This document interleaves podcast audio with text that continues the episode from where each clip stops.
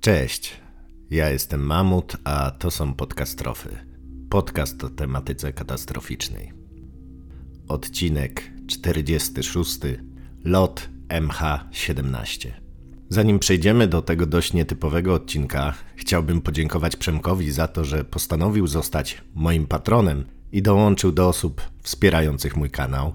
Jest to dla mnie ogromnie ważne, bo pokazuje, że ktoś chce słuchać tego, co tworzę, czasami w hotelowych pokojach, a czasami w kuchni obok lodówki. Jest to też ważne z innego powodu.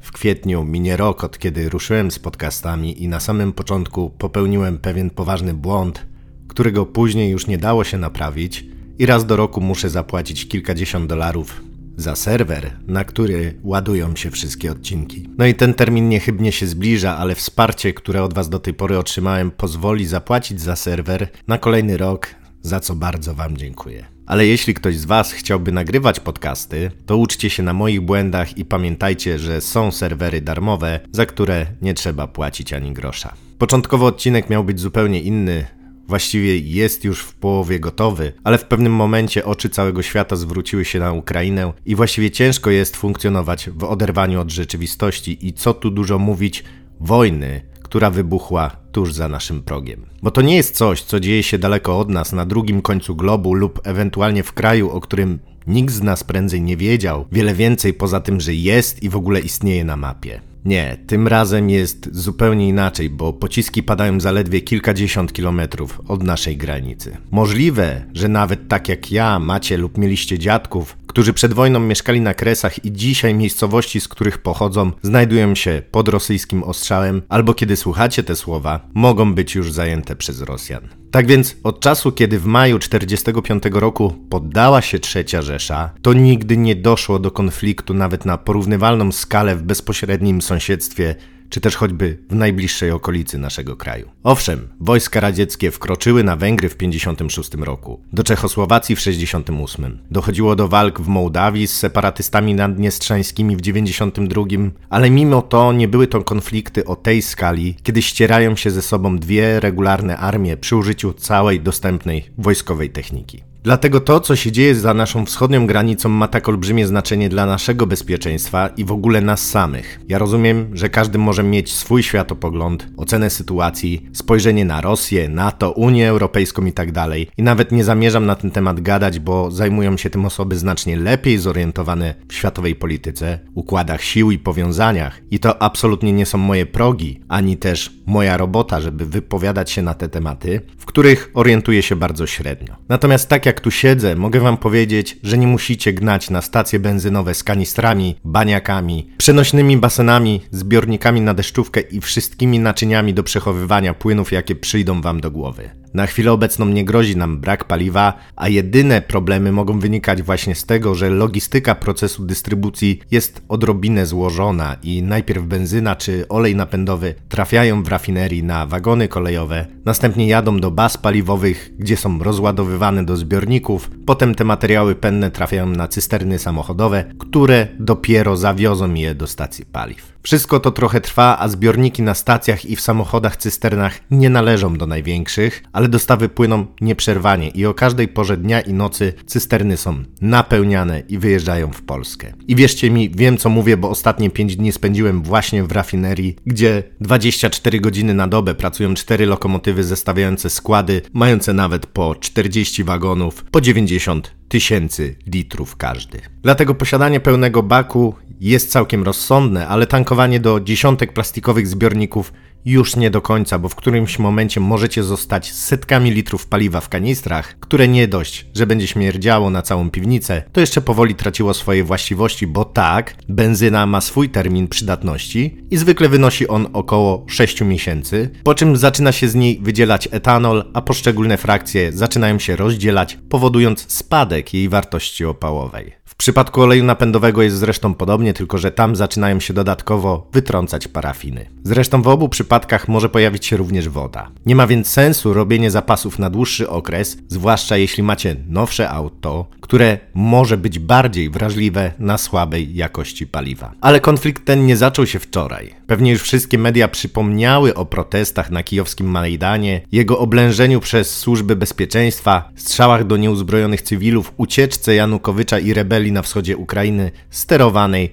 zaopatrywanej i wspomaganej przez Moskwę i jej zielone ludziki, które co dość oczywiste były po prostu żołnierzami rosyjskiej armii. W każdym razie w efekcie tego, co się działo we wschodniej Ukrainie w 2014 roku, oddzielony został od niej Krym oraz duże fragmenty obwodu donieckiego i ługańskiego. Tak, dokładnie tych dwóch obwodów, które ostatnio Putin uznał za autonomiczne, bo potrzebował pretekstu i teraz, jak twierdzi, przybywa im z pomocą, bombardując Lwów, który od bliższego Doniecka dzieli ponad 1000 km, czyli mniej więcej tyle, co z Gdańska do Zurichu. W każdym razie, jeśli ktoś uważa, że w tych republikach doszło do oddolnej, społecznej inicjatywy, która w efekcie przerodziła się w rebelię mieszkańców tych obszarów, ponieważ chcieli oni uzyskać samodzielność i sami stanowić o swojej przyszłości, to niestety musi odrobinę zrewidować swoje poglądy na ten temat. Oczywiście nie twierdzę, że nie było tam żadnych prorosyjsko nastawionych mieszkańców, którzy dość niechętnie patrzyli na władzę w Kijowie, jednak jest to sytuacja zdecydowanie bardziej złożona i ujęcie jej w prostych kategoriach podziału na dwa obozy byłoby po prostu niepełne. Wiadomo, że po II wojnie światowej granice poszczególnych republik wchodzących w skład Związku Radzieckiego były często wyznaczane po prostu na rympał. Stalin zwyczajnie nie zwracał uwagi na to, jakie nacje zamieszkują dany obszar, kiedy wytyczał te granice, chociaż może nie do końca tak, bo w wielu przypadkach celowo mieszał, przesiedlał, a nawet eksterminował całe narody, byle tylko utrzymywać je na granicy wrzenia i ciągłego konfliktu z sąsiadami, bo z perspektywy Moskwy najgorsze, co się mogło przydarzyć, to dążenia autonomiczne jakiejś republiki, która była jednolita narodowo i etnicznie. Dlatego w byłych republikach radzieckich mniejszości wciąż stanowią dość poważny odsetek mieszkańców i dzisiaj często są wykorzystywane do uprawiania wielkiej światowej polityki przez Władimira Putina. Ostatnie dane, jakie udało mi się znaleźć odnośnie Ukrainy, mówią, że Ukraińcy stanowią tam niemal 78% ludności, ale Rosjanie to ponad 17%, więc jest to dość spory odsetek w tym 37-milionowym państwie. Właściwie rozgrywając emocje tak sporej grupy ludzi można mieć wpływ na sytuację wewnętrzną w danym kraju, co w dość oczywisty sposób możemy właśnie od lat obserwować na terenie Ukrainy. Dodatkowo, jeśli ta mniejszość w zdecydowanej mierze zamieszkuje obszary przygraniczne z Rosją i pracuje praktycznie na wszystkich stanowiskach, to nie ma najmniejszego problemu, żeby ktoś przymknął oko, kiedy pod osłoną nocy przez zieloną granicę przechodzą ludzie, zupełnie niekontrolowani przez Straż Graniczną, a jeśli nawet zostaną przypadkiem zatrzymani przez służby, to i tak jeden telefon może bardzo szybko wyjaśnić sytuację. Stąd też takie regiony bardzo często są świetnym punktem wyjścia dla wszelkich działań destabilizacyjnych, które dzisiaj, już po nowemu, nazwalibyśmy hybrydowymi. Bo po pierwsze łatwo się takim ludziom wtopić w tłum, ponieważ to zupełnie nic nadzwyczajnego, jeśli w mieście, zamieszkanym głównie przez Rosjan, zjawia się ktoś, kto mówi po rosyjsku albo z rosyjskim akcentem. Po drugie, łatwo mu tam nawiązać odpowiednie kontakty bez wzbudzania podejrzeń. Zresztą i tak we wszystkich urzędach i instytucjach pracują praktycznie jego krajanie, więc z czystej sympatii lub narodowego sentymentu mogą mu pomóc lub też po prostu nie utrudniać działań. Ale nie jest to tylko problem Ukrainy. Jeśli spojrzymy na strukturę demograficzną dwóch krajów należących do Unii Europejskiej, to nie powinny nas dziwić obawy polityków i mieszkańców tych krajów, że scenariusz ukraiński ten z 2014 roku, bo nie mówimy o pełnowymiarowej wojnie, która dzieje się tam dzisiaj, może się powtórzyć. Mowa oczywiście o Łotwie i Estonii. Jeżeli przyjrzymy się strukturze demograficznej tych krajów, wszystko staje się jasne. Łotwa ma niecałe 2 miliony mieszkańców, z czego niemal 27% stanowią etniczni Rosjanie. Oznacza to, że jest ich tam ponad 550 tysięcy, czyli ponad 1 czwarta populacji. Podobna sytuacja jest w liczącej 1 300 tysięcy mieszkańców Estonii, gdzie Rosjanie stanowią 25,5%. Ale żeby było jeszcze ciekawiej, to w Estonii wielu z nich jest obywatelami jakby drugiej kategorii, ponieważ wielu z nich nie posiada obywatelstwa kraju, w którym mieszkają, ze względu na to, że nie znając języka estońskiego nie mogą zdać egzaminu przyznającego obywatelstwo. Tworzą więc własne diaspory, najczęściej w rejonach przygranicznych, gdzie wydają własne własne gazety pisane cyrylicą, mają własną rosyjskojęzyczną telewizję i generalnie nie asymilują się z resztą społeczeństwa. W tej okolicy jedynie Litwa jest w miarę bezpieczna, chociaż to też dość pozorne, ponieważ mniejszość rosyjska stanowi tam niecałe 6% populacji, licząc około 170 tysięcy osób i jest mniejsza od mniejszości polskiej, która ma około 200 tysięcy. Nic więc dziwnego, że państwa bałtyckie tak chętnie przystąpiły do NATO i właściwie przy każdych działaniach Rosji domagają się zwiększenia kontyngentów wojsk sojuszniczych na swoim terenie, licząc zapewne na efekt odstraszający wynikający z ich obecności. Ukraina jednak w NATO nie była i ze swoimi problemami musiała radzić sobie sama. Przynajmniej do tej pory, a przede wszystkim w okresie, który nas interesuje. Dzisiaj śledząc doniesienia z walk o Kijów, Charków i inne miasta, powoli staje się oczywiste coś, co wielu ekspertów od wojskowości mówiło już od wielu lat, zarówno po wojnie rosyjsko-afgańskiej, wojnach w Czeczenii, jak i po zatonięciu Kurska i przy okazji wielu innych wydarzeń, kiedy to odrobina zainteresowania padała na rosyjską armię, a mianowicie to, że nie jest ona wcale tak silna, profesjonalna, dobrze wyszkolona i dowodzona, za jaką chciałaby uchodzić. I nie była taka 17 lipca 2014 roku, chociaż jak twierdzą rosyjscy propagandyści w interesującej nas okolicy, w ogóle jej nie było. Ale zacznijmy od początku. Tego dnia o godzinie 12.15 z lotniska w Amsterdamie startuje Boeing 777-200ER należący do Malaysia Airlines. Kodowe oznaczenie tego lotu to MH17. Na pokładzie znajdowało się 283 pasażerów oraz 15 członków załogi. Do swojego miejsca docelowego, jakim było Kuala Lumpur, miał przybyć następnego dnia, 10 minut po północy. Jednak około godziny 16.30 świat obiega informacja, że lot MH17 rozbił się na terenie okupowanym przez prorosyjskich separatystów, około 50 km od rosyjskiej granicy w pobliżu wsi Hrabowe w obwodzie donieckim. Dzisiaj, znając zapisy radarów, wiemy dokładnie, że o 16.21 zaczął on gwałtownie opadać, by po chwili zniknąć w ogóle z radarów ukraińskiej kontroli obszaru powietrznego. Zagadką było jednak, co się stało, ponieważ kapitan nie zgłaszał wcześniej żadnych problemów z maszyną. Mniej więcej dokładnie w tym samym czasie donieccy separatyści, czyli te słynne zielone ludziki, o których to Putin mówił, że przecież takie umundurowanie i broń, jakie mają, można kupić w każdym sklepie, poinformowali na portalu w kontakcie o zestrzeleniu ukraińskiego samolotu Antonow 26. Jest to obraz tego, jak zakłamana jest rosyjska propaganda, ale też jak grubymi nićmi szyta i jacy ludzie działają w imieniu Putina oraz z jego polecenia. Bo po pierwsze separatyści nie użyli do tego jakiegoś ogólnego konta, powiedzmy pod nazwą Doniecka Republika Ludowa, tylko zrobili to zupełnie na bezczela, wrzucając te informacje na profilu Igora Girkina, o którym musimy powiedzieć sobie kilka słów. Przede wszystkim Girkin to nie jest jakiś tam przypadkowy obywatel, tylko pułkownik GRU, czyli Głównego Zarządu Sztabu Generalnego Sił Zbrojnych Federacji Rosyjskiej oraz żołnierz specnazu, czyli Sił Specjalnych. W swojej historii ma takie chlubne karty, jak na przykład udział w wojnie bośniackiej po stronie Serbów, gdzie dochodziło do zbrodni wojennych oraz zbrodni przeciwko ludzkości, za co Slobodan Milošević, serbski prezydent, był sądzony przez Międzynarodowy Trybunał Karny dla byłej Jugosławii, ale zmarł przed zakończeniem procesu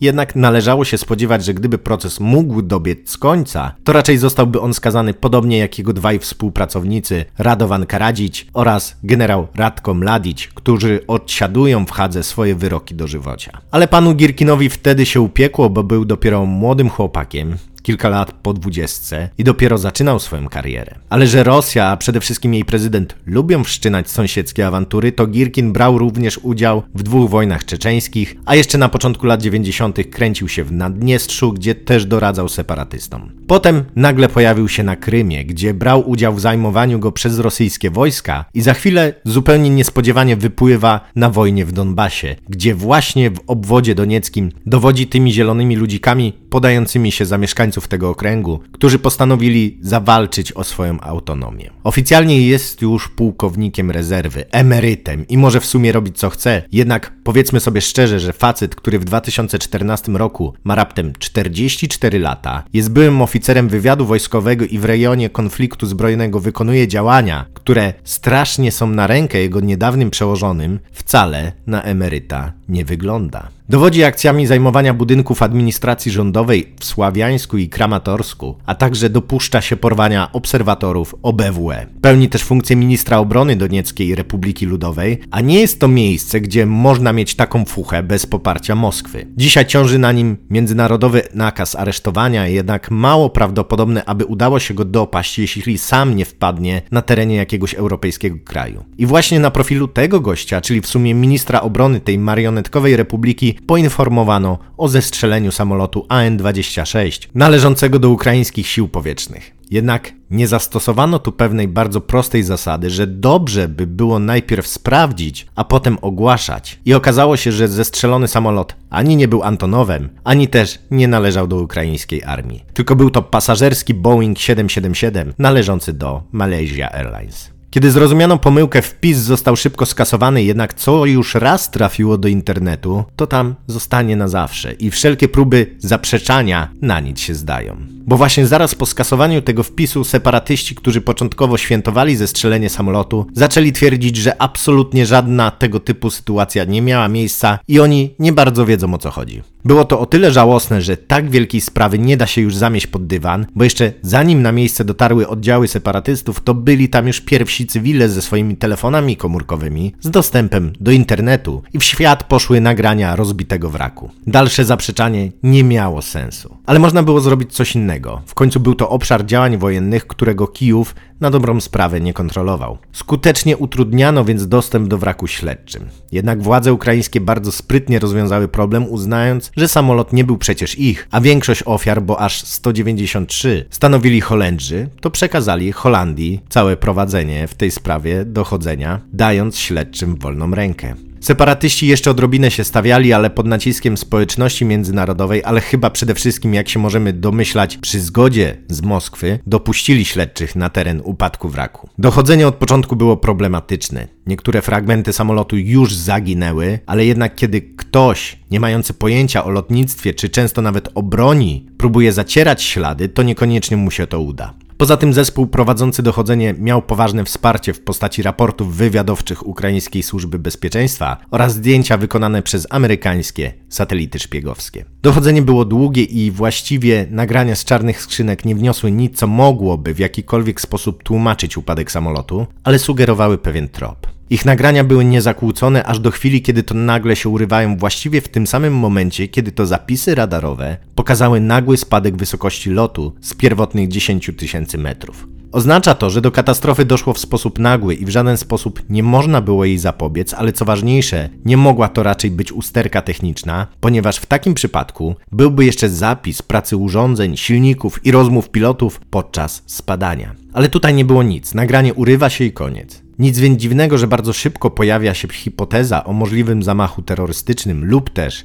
co było wielce prawdopodobne w tamtym miejscu i czasie, o zestrzeleniu samolotu przy użyciu rakiet Ziemia-Powietrze. Nie dysponując odpowiednimi dowodami, śledczy zaczęli składać tę układankę. Po pierwsze, dysponowali nagraniami rozmów dowódców separatystów, którzy zaledwie kilka tygodni wcześniej rozmawiali o problemie z ukraińskim lotnictwem, które nękało ich wojska i poszukiwali rozwiązań tego problemu. Dysponowali też nagraniami z dnia katastrofy, w których żołnierze rozmawiali o namierzaniu i zestrzeleniu samolotu. A tego dnia nie spadł żaden inny samolot na tym terenie ani w bardzo szeroko rozumianej okolicy. W tym momencie hipotezę o bombie na pokładzie można było już odrzucić. Należało jedynie ustalić, jaki rodzaj uzbrojenia strącił lot MH17. Tutaj znów przydały się informacje wywiadu. Satelity szpiegowskie sfotografowały na tym terenie przemieszczające się pojazdy należące do systemu rakietowego Buk, służące do zwalczania celów znajdujących się w powietrzu i przemieszczających z dużą prędkością. Przez kilka dni poprzedzających katastrofę pojazdy te były oznaczane w różnych lokalizacjach. Należało tylko jeszcze znaleźć sposób na potwierdzenie związku tej broni ze zniszczeniem Boeinga. I udało się to. Bóg to bardzo ciekawa broń. Jej rakiety mają zasięg do 35 km i mogą razić cele znajdujące się na wysokości nawet 23 km.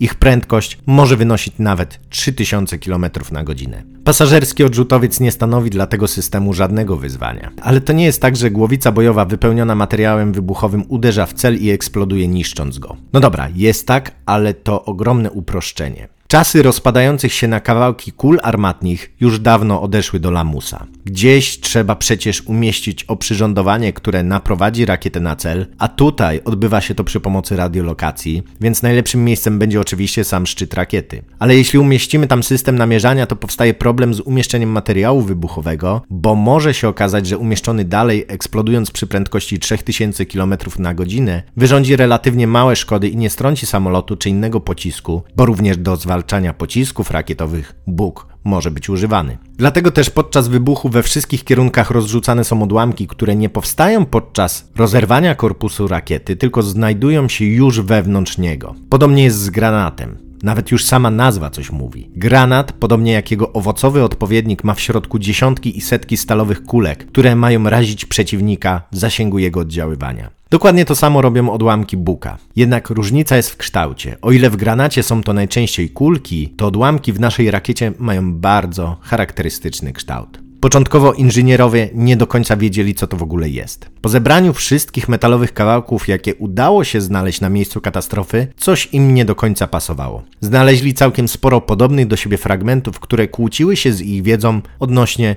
budowy samolotów. Cóż, byli inżynierami lotnictwa, nie inżynierami zwalczania lotnictwa, ale szybko wpadli na właściwy trop. Te małe metalowe kawałki były zbyt grube i miały kształt psich krakersów, coś jak rysunkowa imitacja kości. W międzyczasie zaczęły spływać też raporty z sekcji zwłok. Podobne fragmenty metalu znajdowano w ciałach ofiar, zwłaszcza siedzących z przodu samolotu. W tym momencie wystarczyło już połączyć kropki i stało się niemal jasne, że samolot został celowo strącony przy użyciu rakiety Ziemia-Powietrze systemu Buk. Ale żeby nie pozostawić miejsca na żadne wątpliwości czy spekulacje, zdecydowano się odtworzyć przednią część kadłuba, gdzie miało dojść do eksplozji. W pierwszej kolejności zbudowano metalowy stelaż w proporcjach 1 do 1 do typowego Boeinga 777. Następnie bardzo mozolnie, kawałek po kawałku, dopasowywano kolejne elementy poszycia, na odpowiednie miejsca, aż udało się odtworzyć całą przednią część samolotu, a przede wszystkim kabinę pilotów. To już rozwiało wszelkie wątpliwości. Cała kabina była poszatkowana odłamkami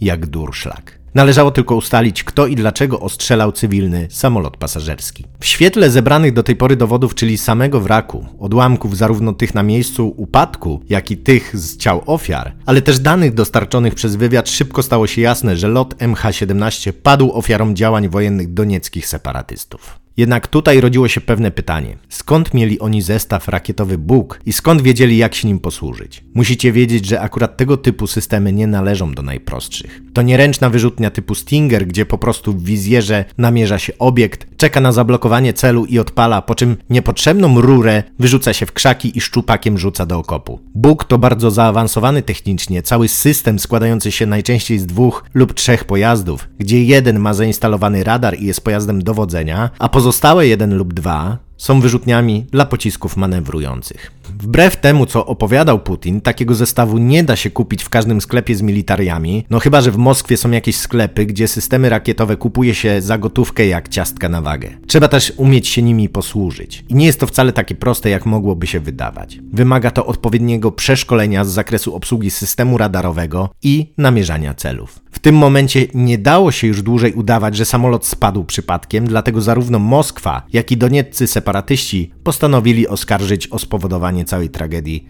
stronę ukraińską. Co ciekawe, narracja im się tak strasznie rozjeżdżała, że chyba w pewnym momencie sami się pogubili. Bo jednocześnie zaprzeczali, żeby samolot został ostrzelany rakietami systemu Bóg, jak i jednocześnie twierdzili, że to Ukraińcy wystrzelili te rakiety. Potem z kolei twierdzili, że to ukraiński myśliwiec ostrzelał Boeinga przy użyciu rakiet powietrze-powietrze, jednak dowody były nieubłagane. Równie dobrze taka wielonarracja mogła być celowym działaniem w celu wywołania u odbiorców konkretnego efektu, aby już nie byli w stanie uwierzyć w cokolwiek, co dotyczyło tej katastrofy. Zaledwie 24 godziny po katastrofie służby, które najczęściej nazywa się po prostu trollami, a zajmują się dezinformacją w internecie, opublikowały ponad 65 tysięcy tweetów, a w ciągu następnych trzech dni było ich ponad 111 tysięcy, często podając nawet najbardziej absurdalne oskarżenia, jak na przykład to, że Ukraina nie zamknęła przestrzeni powietrznej nad separatystycznymi republikami, co zresztą było nieprawdą, bo obszar ten był zamknięty do wysokości 8 tysięcy metrów, czy też powielające się frazy kijowska prowokacja czy Kijów powiedz prawdę. Ale kłamstwo szybko wychodzi na jaw, bo udało się dotrzeć do pochodzenia tej konkretnej wyrzutni i okazało się, że nie należy ona nawet do separatystów. Otóż ta konkretna wyrzutnia należała do 53.